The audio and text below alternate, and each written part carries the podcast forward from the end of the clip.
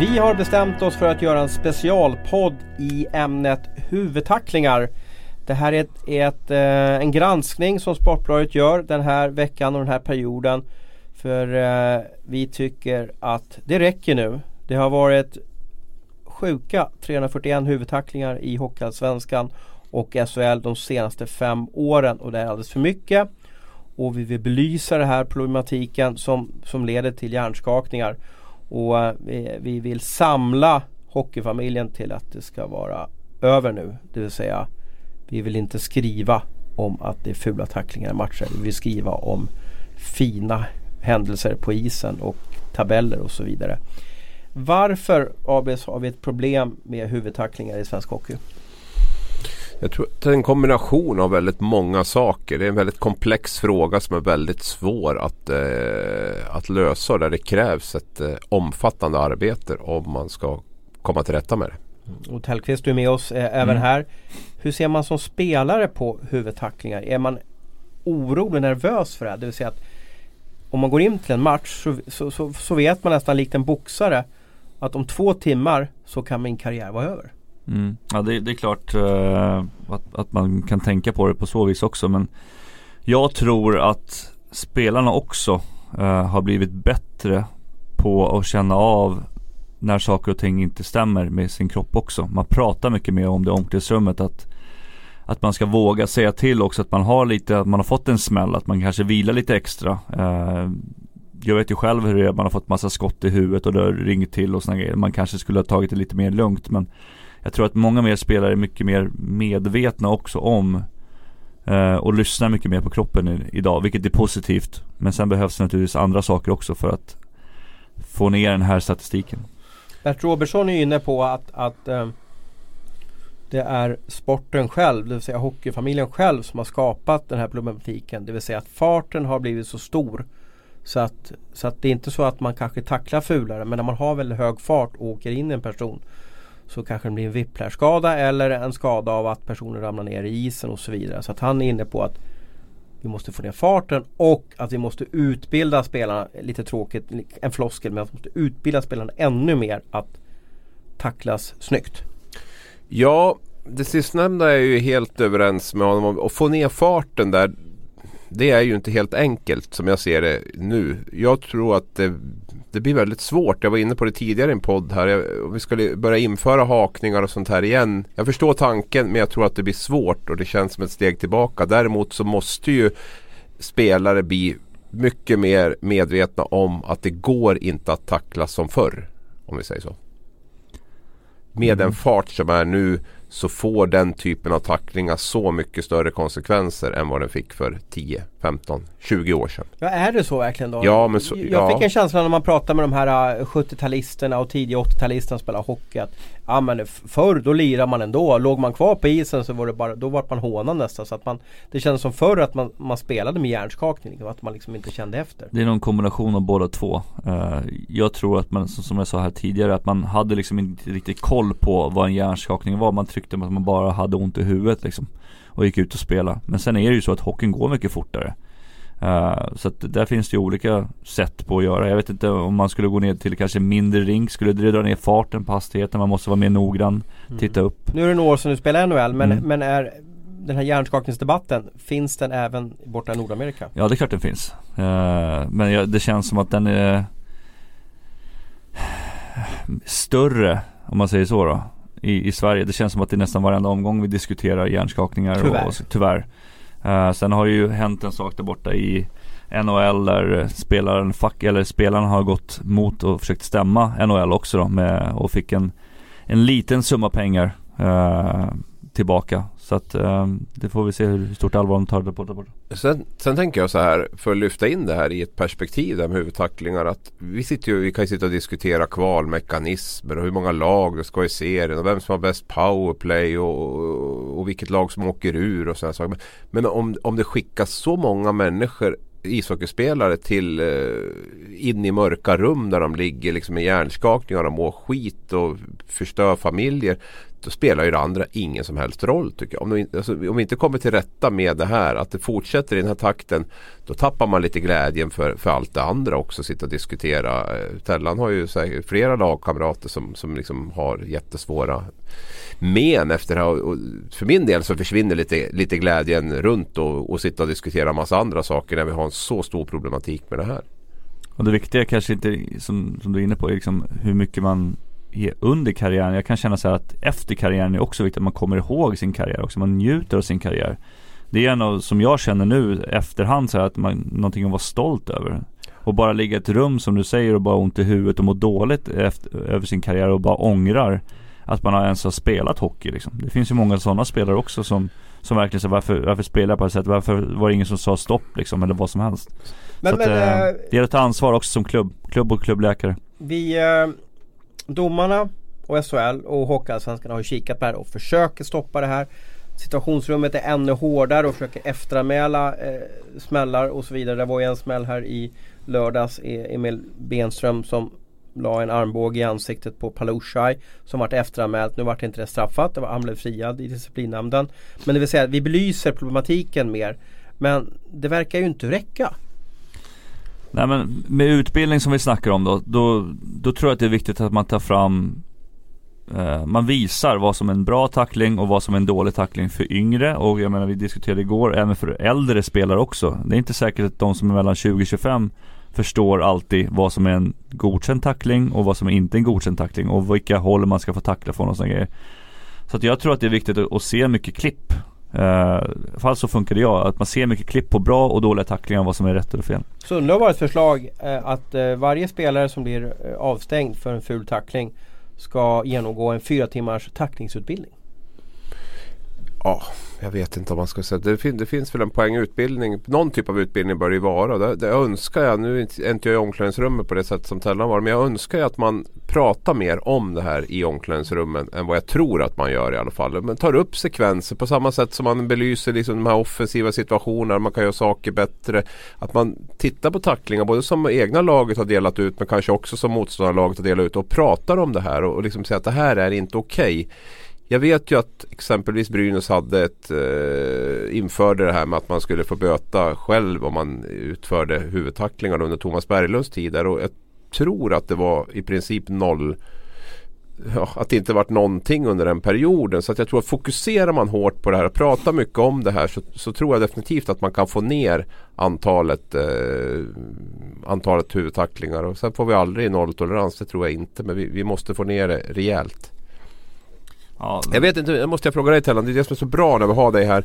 Hur mycket pratade ni i Djurgården under de här sista två, tre åren om det här med, du har ju varit med där under den här riktigt ja, heta åren som har varit med, med huvudtackling. Hur mycket pratade ni om det och tittade på klipp och så vidare? Och så? Tittade inte alls på klipp överhuvudtaget.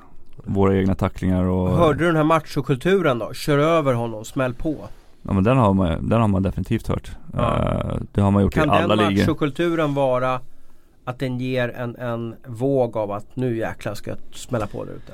Men ofta så blir det ju så när det är dåliga förlorare. Det är ofta då det känner att man ligger under i matchen och man ser någon som står och skriker smäll på den där jäveln eller vad som helst. Då är det lätt att någon brinner till och, och åker ut och gör något riktigt dumt eller att man, det har hänt någonting tidigare under matchen så, här, så att eh, det, är, det är klart att den typ av matchkultur bidrar till att ägga igång spelare och, och adrenalinet pumpar ju redan för 3000 varv liksom. Så det är klart att står någon och skriker någonting bakom så, så blir det ju värre.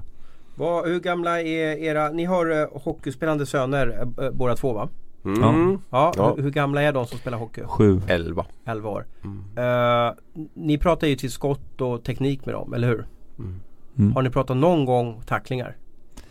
Jag Nej. pratar jättemycket med mina om, om alltså inte med, alltså det laget jag är i. pratar jättemycket om syftet med tacklingar. Men, vi, men tränar ni tacklingar? Alltså nej, vi tränar inga tacklingar. Jag har varit rätt mycket matcher nu senaste veckorna här och det, det, det är inte speciellt mycket tacklingar heller. Så, att man, så att det är inte något no, no sånt att man har det har varit lugnt på den sidan. Men just det där, vad är syftet med tacklingen? För det tror jag kommer ännu mer åt det hållet nu i och med att det är så pass hög fart och, och kraft i allting. Att vi, vi, vi måste fokusera på att ta, syftet med tackling är pucken, vinna pucken, gå på pucken. I första läget gå på pucken. Står en spelare mot sargen, kommer in som tredje man, hoppa inte in en tackling då utan gå dit och ta pucken. Ska du tackla tänk hela tiden vad, hur får jag med mig pucken? Alltså det, vi måste komma dit. Förut fanns det ett annat, man kunde ha lite så här skrämselsaker med tacklingar, man kunde gå in och markera och sådana saker. Jag tror det, det tror jag det måste bort på grund av att farten är så himla hög som den är. Pratar du tacklingar med, med Junior? Jag försöker bara åka baklänges tänkte jag säga. Ja, så det, är det, för, det, lite är- det är eh, annan nivå ja, än ja. så länge. Så de, när de krockar så krockar de mest i väldigt låg hastighet och sådana grejer. Men det blir intressant. Jag menar kanske Svenska Hockeyförbundet ska dra ihop någonting och skicka ut alla ledare där ute så man får börja liksom så. Men tänk vilken ramaskri det skulle bli om, om de, någon klubb hade tacknings, tacklingsskola på en träning. Mm. Föräldrarna skulle ju gå bananas för det är ju alltid någon som gör illa sig. Jag tror det är viktigast att man pratar om det. Alltså hur tacklar vi? Vi tacklar inte någon i ryggen. Vi tacklar inte någon från sidan. Vi tacklar möjligtvis framifrån men då är fokus också på, alltså när vi möter nord-syd, men då är ju också fokus på att ha pucken. För det är ju den som är rolig att spela med. Det är ju den som ska vara i, i fokus. Och där pratar jag jättemycket med dem som om det någon gång blir fel och säger det att du ska inte hoppa in någon tackling där utan du ska, du ska lyfta klubban och ta pucken där vid sargen istället. Det är ju den, det är ju den som är kul att spela med och det är ju faktiskt på det sättet det är. Sen vill vi ju ha fysiskt spel och så men, men man måste begränsa det. Det går inte att tackla som förr. Och sen också det, handlar hur man tar också- emot tacklingar Exakt, det är också. det jag Mm. menar. Ja, Mm. Det är absolut. en sak att, Jättebra att, att ni tar att, upp. att, eh, att tacklas på rätt sätt. Jag, jag Mm. kommer ihåg när jag spelade hockey. Jag, var, jag har ju alltid haft väldigt dålig balans. Det har varit liksom, då- dålig spänst och dålig balans. Det har gjort att jag aldrig hade någon möjlighet att bli bra på idrott. Oavsett idrott.